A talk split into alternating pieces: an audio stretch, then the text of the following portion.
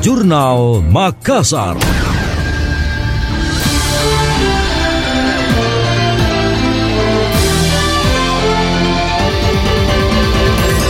DPRD mengingatkan pemerintah Kota Makassar mengenai proses seleksi jabatan kepala sekolah agar tetap profesional dan tanpa intervensi. Ketua Komisi D DPRD Makassar, Andi Hadi Ibrahim Baso mengatakan itu penting agar kepala sekolah yang menjabat punya kompetensi. Politisi PKS itu menyebutkan pentingnya asesmen kompetensi calon kepala sekolah. Pasalnya mereka penentu sekolah yang berkualitas khususnya di Kota Makassar.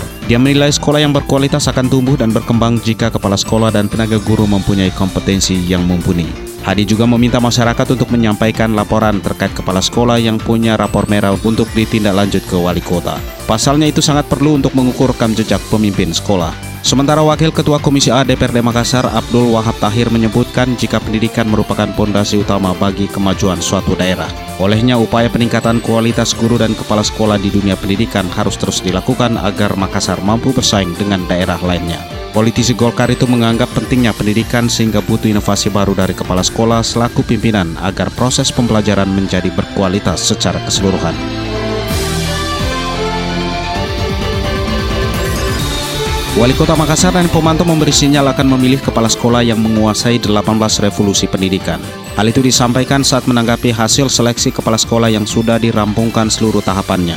Diketahui hasil akhir terkait nama yang akan dipilih sebagai kepala sekolah akan menjadi hak prerogatif wali kota. Dani menekankan kepala sekolah yang akan dipilih nanti adalah mereka yang telah dicanangkan di awal periode keduanya sebagai wali kota. Dia menjelaskan tidak menutup kemungkinan para calon kepala sekolah itu akan menjalani sesi wawancara khusus dengan wali kota untuk memastikan kapasitas mereka. Wali kota menambahkan akan memprioritaskan guru penggerak yang bisa membawa perubahan untuk dunia di pendidikan.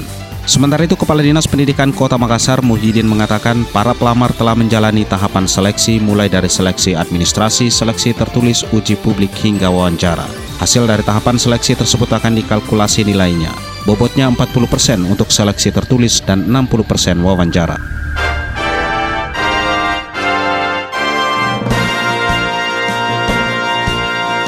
Demikian tadi, Jurnal Makassar.